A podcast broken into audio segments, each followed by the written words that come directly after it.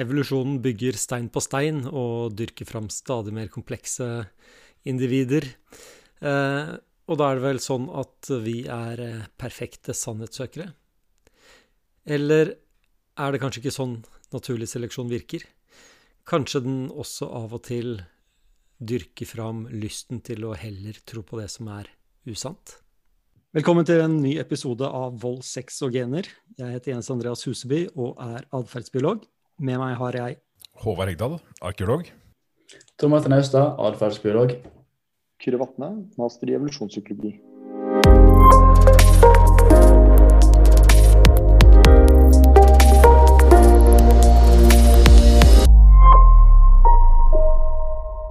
Hvis naturlig seleksjon er en prosess som stadig forbedrer ting, eh, så burde vi vel ende opp som kompromissløse sannhetssøkere.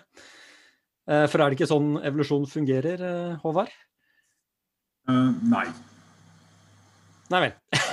nei, det er ikke. Nei, det er uh, kort og greit. Det er, det, er ikke, det er, ikke, sånn evolusjon fungerer. Fordi uh, Evolusjon er jo blitt forklart på veldig mange gøye måter, men, men evolusjon må jo hele tatt ta tak i et eller annet i en eksisterende variasjon. den Eh, et spenn av variasjoner gir forskjellig typer i forskjellig eh, reproduksjon. Og eh, de mest suksessfulle vil hele tiden komme seg videre. Så evolusjonen fungerer hele tiden ved å ta tak i små variasjoner og utbedre dem. Og hvis én type variasjon gir bedre reproduksjon enn en annen type, så vil evolusjonen gå den veien, selv om dette er en komplett dead end. Litt, litt, sånn som uh, R-tallene for uh, disse uh, ulike ja, ikke sant? Ja, det er R-tall de handler om. Ja. Uh, så ok, du kan jo kanskje tenke deg det som at det er Det er vel litt som å du kan, ikke, du kan ikke sette fly på bakken for å fikse det. Du er nødt til å bygge dem i lufta. Alt må fungere. Alt må være forbedringer hele veien. Mm.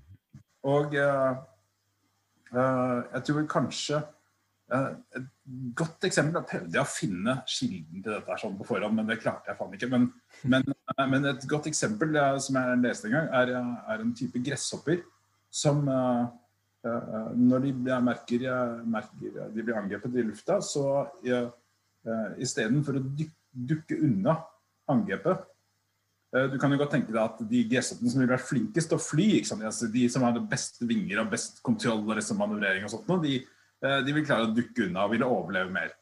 Mm. Og, og, Hadde det vært sånn, så hadde selvfølgelig gresshoppene blitt dritflinke til å fly. Uh, og utviklet uh, suveren manøvreringsevne. De er jo tatt ikke så fjernt i slekt med øyenstikker heller. Så du kunne godt sett for deg at det ville skjedd. Mm. Men det som isteden har skjedd, det er at gresshoppene da Sannsynligvis har da noen av gresshoppene, når de blir angrepet ved en annen fått en eller annen, en eller annen eh, spontan reaksjon som har gjort at beina kommer opp i vingene og bremser vingene. Og Dermed faller gresshoppen som en stein ned til bakken, og rovdyret klarer ikke å ta den. Mm. Så Det seleksjonen har tatt tak i, er sånn, det er refleksen for å kjøre sitt eget bein opp i vingene. Gresshoppen faller til bakken. Mm.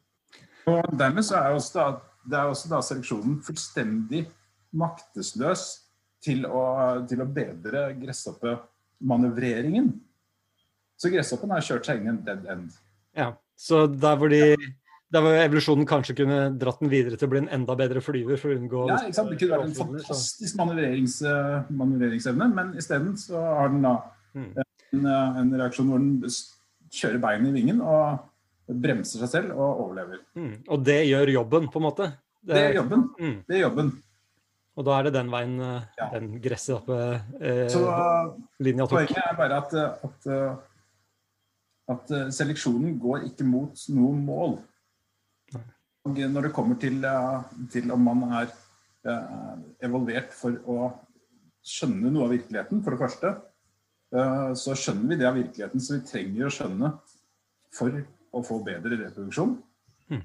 Og det er også da basert på de tingene som eh, våre forfedreorganismer har skjønt av virkeligheten og har kunnet videreutvikle. Ja, for det var jo en sånn tidlig tanke, også et veldig tidlig evolusjonskunnskapshistorien, eh, da, eller sånn som man tenkte på naturen før, så så man jo at det var en økende eh, altså man, så på mennesket da, som kronen på verket, eh, og i og med at mennesker er veldig intelligente, så så man eh, som det som en linje da, fra de første enkle dyrene da, til mer og mer avanserte dyr og mer og mer intelligente dyr. Og med intelligens så kommer da også sannhets- eller virkelighetsforståelse, en god, god forståelse av hva, hva, som er sant om verden. da. Eh, så da, da, var det jo lett å tenke at uh, evolusjon dyrker fram stadig bedre sannhetsforstående individer eller, eller, eller uh, arter. Men er, sånn er det da altså ikke. Er det noen flere grunner til at dette ikke skjer? For det, det som En ting er at det tar si, Du må jobbe med det som er uh, materiale i utgangspunktet. Uh, men det er jo også situasjoner hvor det ikke lønner seg å, å kjenne sannheten, hvor evolusjonen faktisk belønner noe helt annet enn, å, enn det som er sant. Nei, det kjenner man jo en del eksempler på, eh, Kyrre. Ja, og, og, det er jo en sånn På, på en måte så er det, har jo levende vesener en, så langt vi kan vurdere i hvert fall, en imponerende evne til å interagere med virkeligheten på måter som forutsetter at de har gode interne modeller. Um, så, så, på en måte så kan man jo si at du Det er jo Hvis du, hvis du fjerner deg for langt fra sannheten, så vil jo det fort ha en, en kostnad. Mm. Men samtidig så har det en kostnad å, å beregne virkeligheten veldig nøyaktig også. Altså hvis du, hvis du f.eks. La oss si for en eh, La oss si for en, en kanin, da. Og, og, på en måte er det en rev der borte som lurer. Det kan jo den kaninen i prinsippet finne ut helt sikkert. Mm. Men det vil jo være, kan være ganske krevende eh, å ha en så sofistikert hjerne at den klarer å virkelig skjønne om reven er der eller ei. Og det igjen krever jo at eh, kaninen da skal bruke masse energi på å utvikle en bedre hjerne. Og, uh, og, uh, og, det er jo energi som kunne vært brukt på i stedet å løpe fortere eller å få flere unger osv. Mm. Og det samme gjelder jo for mennesker. At vi må jo, vi må jo på en måte Eller egentlig for, for alle, alle, biologiske systemer. Da, man må optimalisere. Man må på en måte få mest mulig eh, resultat med minst mulig innsats. Og, og når vi og så finnes det jo innenfor psykologi og det som kalles atferdsøkonomi, så er det en sånn stor litteratur med, med, det som kalles eh, heuristics and biases, som er sånn uh, som er, handler om alle de små feilene, tankefellene vi går i, da. Uh, som, som, kan manifestere seg som feil. Mm. Uh, men de er jo ofte snarveier vi tar, da. Så, så hvis du på en måte en, en, eh, en, kjent eh, effekt der er jo er den såkalte forankringseffekten. ikke sant? Så hvis du, hvis du spør eh, noen om eh, var, var, Gandhi yngre eller eldre enn 90 da han døde, eh, hvis du noen, stiller noen det spørsmålet, og noen andre får spørsmålet var Gandhi yngre eller eldre enn 30 da han døde, mm. eller, eller, hvor mye eldre, da, ikke sant? Så vil, så vil, eh, så vil de som svarer på spørsmålet ta utgangspunkt i det tallet. Og så, og så vil de, de, som da fikk høre det tallet 90, de vil gi et mye høyere estimat da, for hvor gammel eh, Gandhi var. Um, og, og, det er jo sånn der, uh, og den, den, snarveien der funker kanskje uh, ikke så bra i sånn moderne sammenheng, men det, det er en sånn måte, en måte hjernen bare prøver å, å ta utgangspunkt i et tall for å Eh, komme opp med et svar. Da. Ja, for det, eh, det, det, vi snakker om her, er jo eh, Og den, den, forskningen til Kahneman og, og de andre atferdsøkonomene handler jo om si, menneskets rasjonalitet. da, og, hvor, og, og, eksperimenter som viser at i noen situasjoner så er vi ikke rasjonelle. Vi tar, vi tar feil, vi gjør kortslutninger og vi, vi tar snarveier. Så um, det, er, er, det, er, en bok der som jeg sånn i forbifarten kom på at uh, jeg vil anbefale. og det, det, er en som heter uh, The Rational Animal. Uh, for du, de fleste kjenner Kahneman og, og, Thinking Fast and Slow og, og, og um, den siden av det, men, men, The Rational Animal går et hakk videre. Den, den forklarer da eh, akkurat det vi snakker om her. Eh, dette med at disse feilslutningene de er der fordi de gir mening på et, eh, et evolusjonært nivå. Så, og det kaller de, eh, de kaller det for deep rationality. Så der hvor eh, en veldig fin bok, og de er også atferds, atferdsøkonomer og, og evolusjonspsykologer. Men de mener egentlig at alle disse, all denne irrasjonaliteten som er dokumentert, da, kan spores tilbake til ganske enkle dype rasjonelle problemstillinger som er evolusjonære i, i opphav. Eh, men, og, da, og, da, og, de har jo ofte det til felles at det er ganske enkle algoritmer da, som brukes. og det, det, er nok også en ganske enkel algoritme en hare bruker for å vurdere om det er en uh, rev der borte. ikke sant? Mm. Uh, så, så, den, den på, på, en måte så er det noe som biologiske systemer med nødvendighet må benytte seg av. da eh, raske, enkle regler. Fordi det er begrenset med kognitiv eh, kapasitet. Eh, og det er begrenset utbytte av veldig, veldig, veldig gode kognitive beregninger. Mm. Jeg syns jo at dette er sånn er en At det på en måte er kanskje spesielt for mennesker da, at vi har to nivåer uh, som vi snakker om her. Og det ene er hva vi faktisk er evolvert for å forstå. Uh, og det andre er hva det er hva det er sosialt riktig å forstå.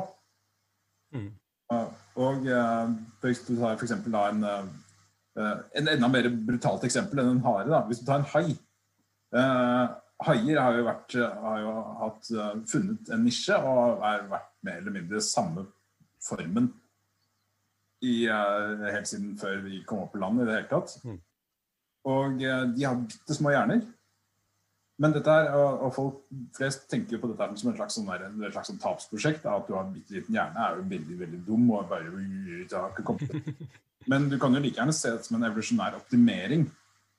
De er, eh, de er så tilpasset den nisjen de lever i, at de har skrelt vekk enhver enhver rest av eh, hjernematerie som ikke har direkte overlevelsesfordeler.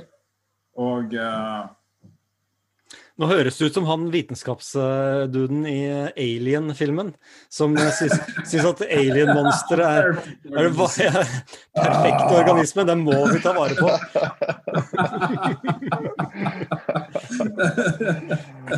Hvorfor er det ingen som har lagd biologiske våpen av haier?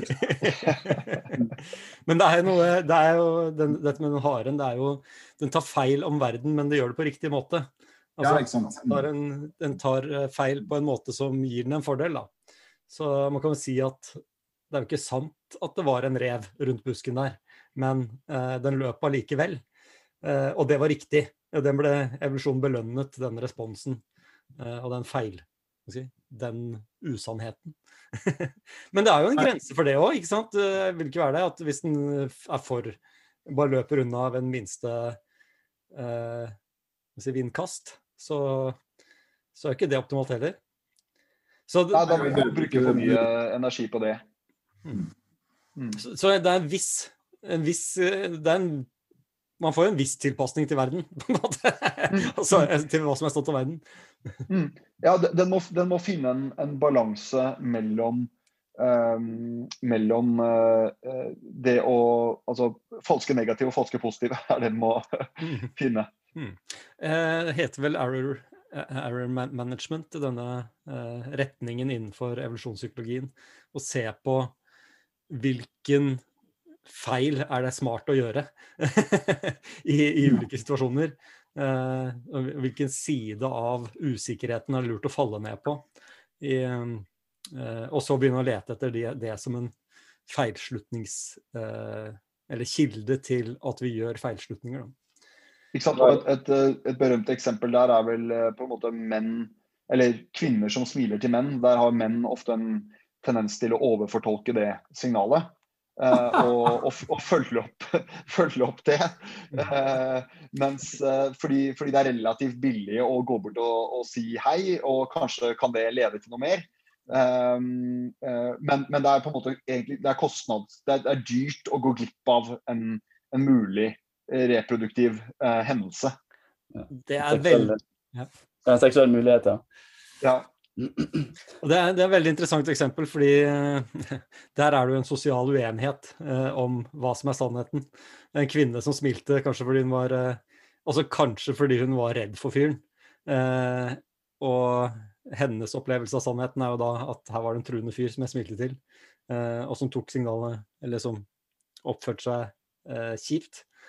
Ja, vi, vi, er, egentlig ganske dårlige bare å tolke Eller vi feiltolker vennlighet med seksuell uh, interesse. Mm. Og med vi da, så mener du menn? Menn, ja. ja. Vi, ja, ja.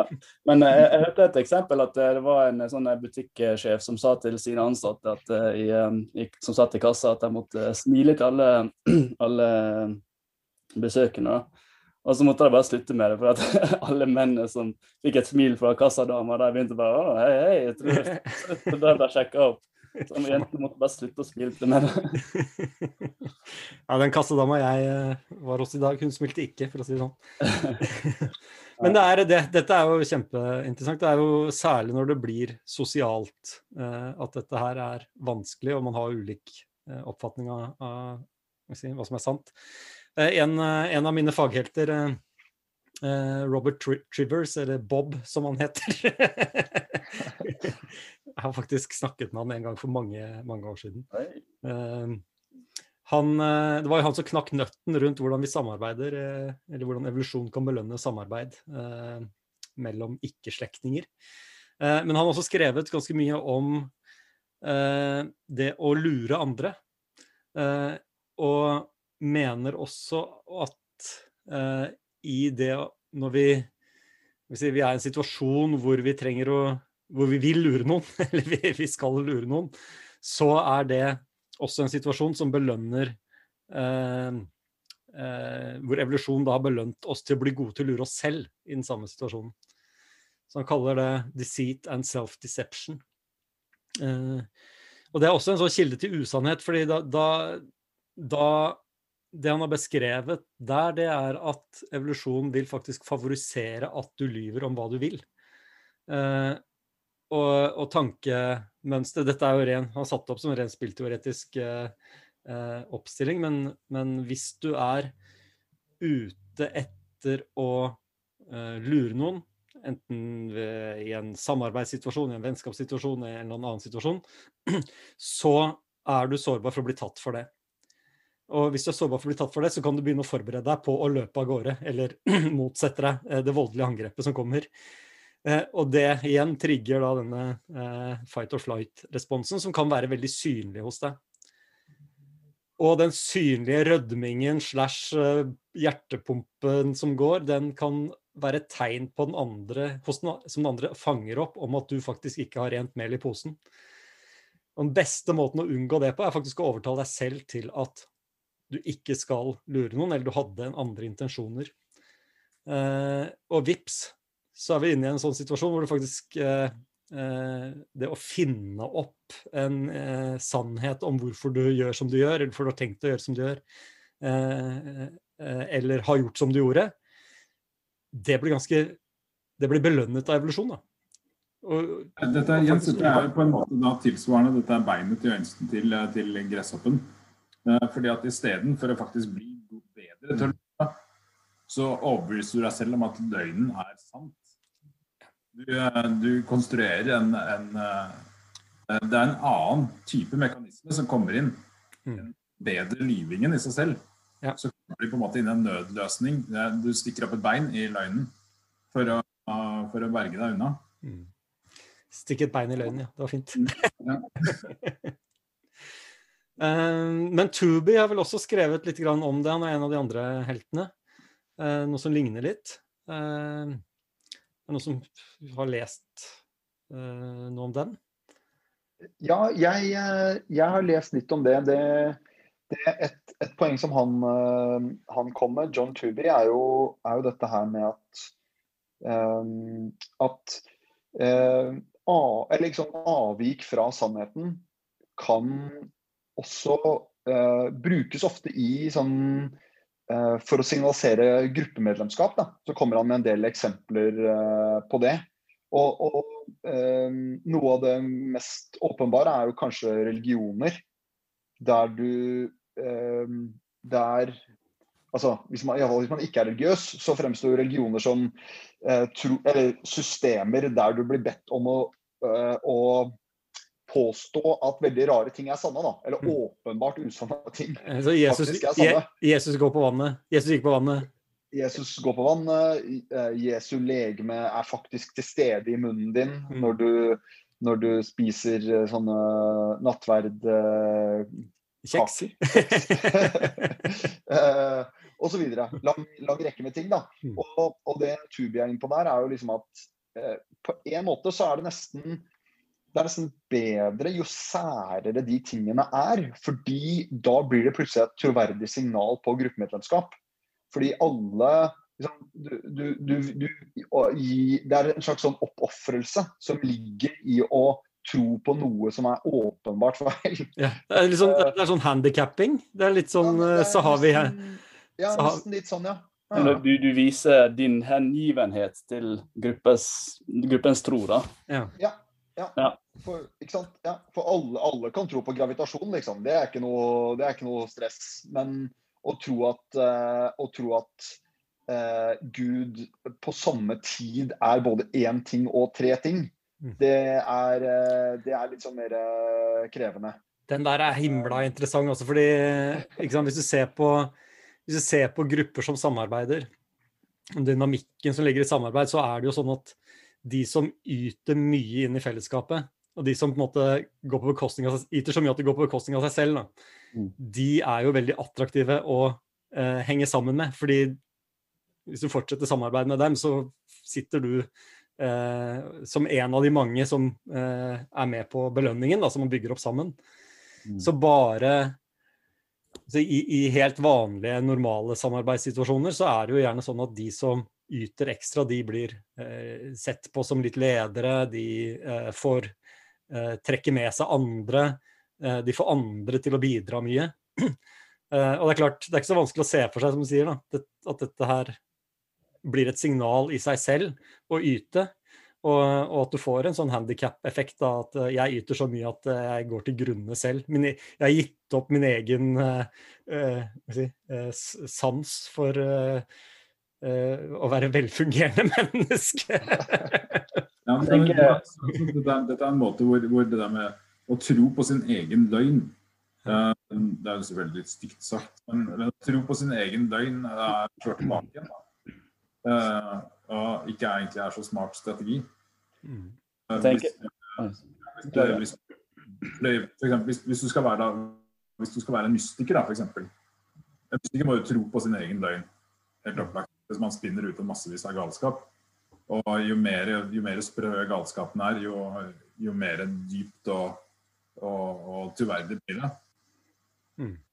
Men han ender jo fort opp med å ikke få, ikke få seg. Ja. Det er, ja, det er i hvert fall en balansegang. Det, det er, Ja. det er, eh, opp i historien så har vel kanskje mystikerne delt seg litt i to der. Noen av dem har hatt et ganske høyt R-tall, og noen, eh, noen eh, De fleste antagelig litt lavere. Eh, Men det er jo, jeg, jeg tenkte bare et, sånt morsomt historisk eksempel. Jeg husker ikke akkurat hvilket religiøs, religiøst samfunn det er. Så jeg skulle bare, jeg skulle bare prøve å slå det opp på Wikipedia.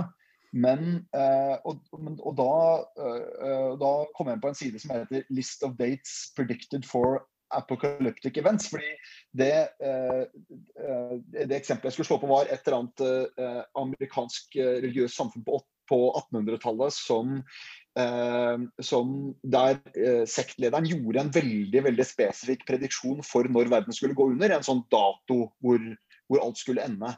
Og det var noen som gjorde en studie av hva som skjedde i det samfunnet da, den, da dommedag ikke materialiserte seg. Eh, og det førte jo, så vidt jeg husker, til litt sånn fraksjonering og sånn. Men i, grove trekk så, for, så fortsatte bare sekten ganske sånn ufortrødent å, å, å holde sammen og tro på den nye datoen som, som kom. Og det er jo på den Wikipedia-siden så er det hundrevis av historiske eksempler på akkurat det samme. Mm. Og, og der, der virker det som på en måte sannhet spiller jo en litt annen rolle.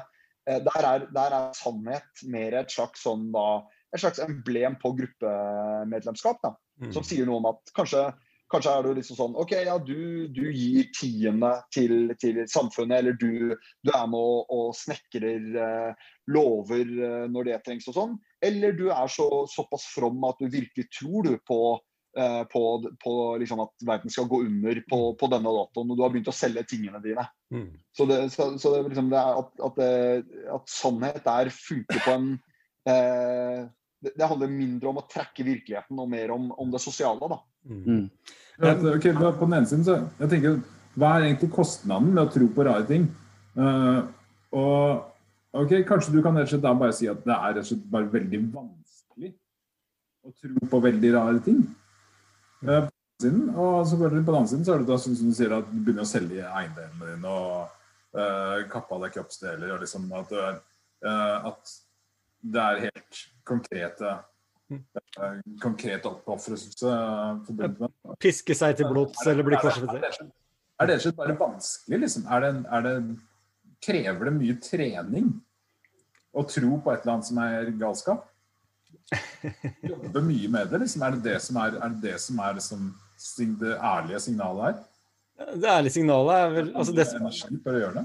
De signalene som blir sett sterkest, er jo de som er veldig kostbare, da. Eh, Er det ikke det? De som Filippin, filippinske sektene som kors, korsfester seg hver påske, og uh, de som pisker seg til blods i ulike gjenger.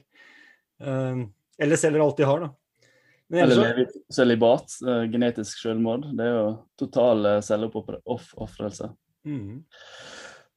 Men, men jeg, jeg, er ikke, jeg er enig, det er et interessant spørsmål, Håvard. Det er ikke sikkert det har så stor kostnad lenger. Og, og i hvert fall ikke nå, hvor uh, man kan kanskje se for seg at før internett, og eh, når vi levde i mindre samfunn, mer, mer eller mindre stuck med de samme menneskene over tid, så vil det ha en kostnad å bomme på dommedag tre ganger. Eh, da ble man ikke hørt på fjerde gang. Mens eh, mens nå er det så mange Det er så lett å holde på menigheten, da. At man finner alltid Man får alltid tak i 10 000 som tror at ja, jorden gikk faktisk under på to ganger. det er bare andre, andre har ikke skjønt det. Det er en bok til jeg ville anbefale, apropos det du sa der, Kyrre. En norsk bok. eh, heter 'Dommedag'.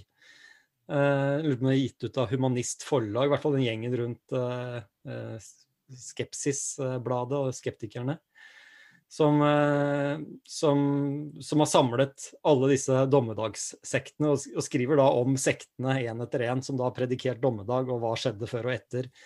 Eh, så det er jo det er fornøyelig lesing. Mye, mange huler og eh, folk som har solgt tingene sine, og, og, flere av disse som også da har etterpå tror at faktisk jorden Jorden gikk jo faktisk under eh, 4. juli 1984, liksom. Det så det er, det er, ganske interessant. Men det, som, altså det vi sier her, er vel egentlig kanskje at uh, mennesker er ikke så veldig flinke til uh, å forholde seg til sannhet. Uh, vi sier vel også at sannhet er en sosial konstruksjon, sier vi ikke det? mm, avhengig av hvilken gruppe du tilhører. Så det å være i en gruppe En viktig side av det å være i en gruppe er å ha en idé om hva sannhet er. eh, og hva som er sant. Da er jeg vi tenker, jeg, jeg synes fall, og Bare en litt sånn distinksjon inni her er jo liksom den der med at, uh, at et, et, viktig altså, vi, vi, Sannhet er kanskje også litt sånn flere forskjellige ting, selvfølgelig. For en ting er jo den, det som uh, går på en uh, å, å observere naturmiljøet direkte. Men det er klart for mennesker så har vi med våre, vår evne til å abstrahere ting, så, er, så dekker jo sannhet også eh, på en måte eh, sto, mange ting vi ikke ser, f.eks. Og, og, og da kommer liksom det sosiale spillet inn på en helt annen måte. Mm. Det er jo ikke så mye til stede når det gjelder om det er en rev der borte. Mm. Um, men det er mer Ja. Mm. Fra, fra, et evolusjonært perspektiv så er det egentlig på en måte litt uh, Så blir jo på en måte da sannhet Det blir jo spørsmål om hva slags hva slags mentalt bilde danner en skapning av verden? Hvilke ting korrelerer en skapnings uh, uh,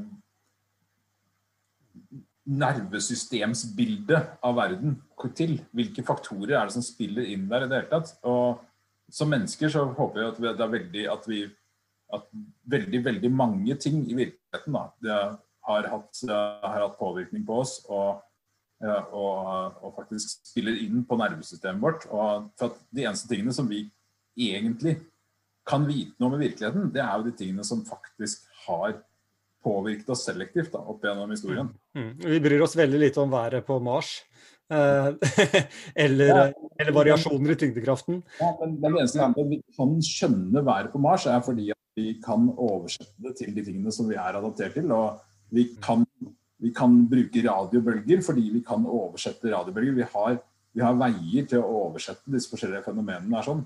Uh, det trenger ikke bety at det ikke finnes deler av virkeligheten som vi ikke har noen uh, mulighet, ikke har noen korrelasjoner til i det hele tatt, og som vi aldri vil kunne uh, forstå noe av. Mm. Men, men så, så, da vil jeg, da vil jeg foreslå en slags tredeling her. Ja. For da har du eh, eh, på en måte domene én er, er den, det naturmiljøet som vi er blitt utsatt for gjennom vår revolusjonære historie. Og på samme måte som de eh, aller fleste andre organismer, så har vi utviklet ganske gode sensorer for å orientere oss i det miljøet. Så der vet vi vi kan, vi kan se ting rundt oss. Vi, kan, vi, har, måte, vi vet masse om gravitasjon. Um, så, så, det er det, på en måte miljø nummer én. Vi, vi, bare skyte inn, vi vet i betydningen kroppen vår er bygd rundt prinsippet om at gravitasjon eh, finnes ja. i verden. Mm. Ja, ikke sant. Og vi vet masse ting om farlige dyr. Vi vet eh, masse ting om eh, hvordan eh, fysiske egenskaper ved miljøet vårt. Um, og, men det er klart, det er jo veldig prisgitt akkurat våre sensorer. Vi ser jo f.eks. ikke eh, Vi har ikke det samme type fargesyn som fugler, som ser veldig mye mer enn oss. Så vi ser, vi ser på en måte en, en, slags vår utgave av virkeligheten. Eh, så har du, men så har du det der delen av miljøet som vi ikke har noen intuisjoner rundt, sånn som hvordan det er på Mars, eller kvantemekanikk, eller, eller, hvordan ting oppfører seg når det nærmer seg lyshastighet og sånne ting. Mm. Det har vi ingen intuisjoner om, så det må vi eh, Der er vi på en måte eh, Der har vi ikke noe naturlig innebygd evne til å absorbere sannheten. Men så er det, så er det liksom det, det tredje miljøet som jeg tenker er som er på en måte det mest shaky, og det er når, når eh, sannhet blir en sosial eh, en brikke i et sosialt spill. Der, mm. for det er liksom en, det kan man kanskje skille litt fra Det er ikke akkurat kvantemekanikk, men det er, der, er, der er plutselig sannheten eh, litt sårbar, da, for å si det sånn. Mm. Kanskje spesielt sårbar. Og der, eh, Vi er jo langt inne i en, si, noe av eh, det, eller la meg si det sånn, da. Dette tok en vending som vi kanskje ikke alle lytterne var forberedt på, men vi har jo faktisk gitt modernistene rett her. Eh, vi, vi, har jo langt på vei sagt nå at veldig mye av virkelighetsoppfatningen til mennesker eh, naturlig blir formet av det sosiale miljøet rundt oss. Eh, så virkelighet skal vi, skal, Kan vi gå så langt og si at virkelighetsoppfatningen til folk flest er sosialt konstruert? Skal vi, skal vi... Nei, nei, nei, Jens. Nå, må vi sette foten, altså. Ja, det er bra. Jeg, jeg, aner meg at vi er på vei inn i en, eh, et tema som trenger dyp og lengre samtale og grundigere gjennomgang. Mm. Vi snakker selvfølgelig om eh, wokeness og Eh, den evige kulturkrigen, hvor eh, kanskje ikke alle nødvendigvis er enig i at det faktisk går an å oppfatte virkeligheten, og at, eh, og at alt er sosialt konstruert. All virkelighetsoppfattelse er sosialt konstruert, og egentlig bare handler om makt. Det får bli en uh, ny episode av uh, Hva heter vi igjen? Er det sex, vold og gener, eller vold, sex og gener? Jeg glemmer. Ja, vold, sex og gener.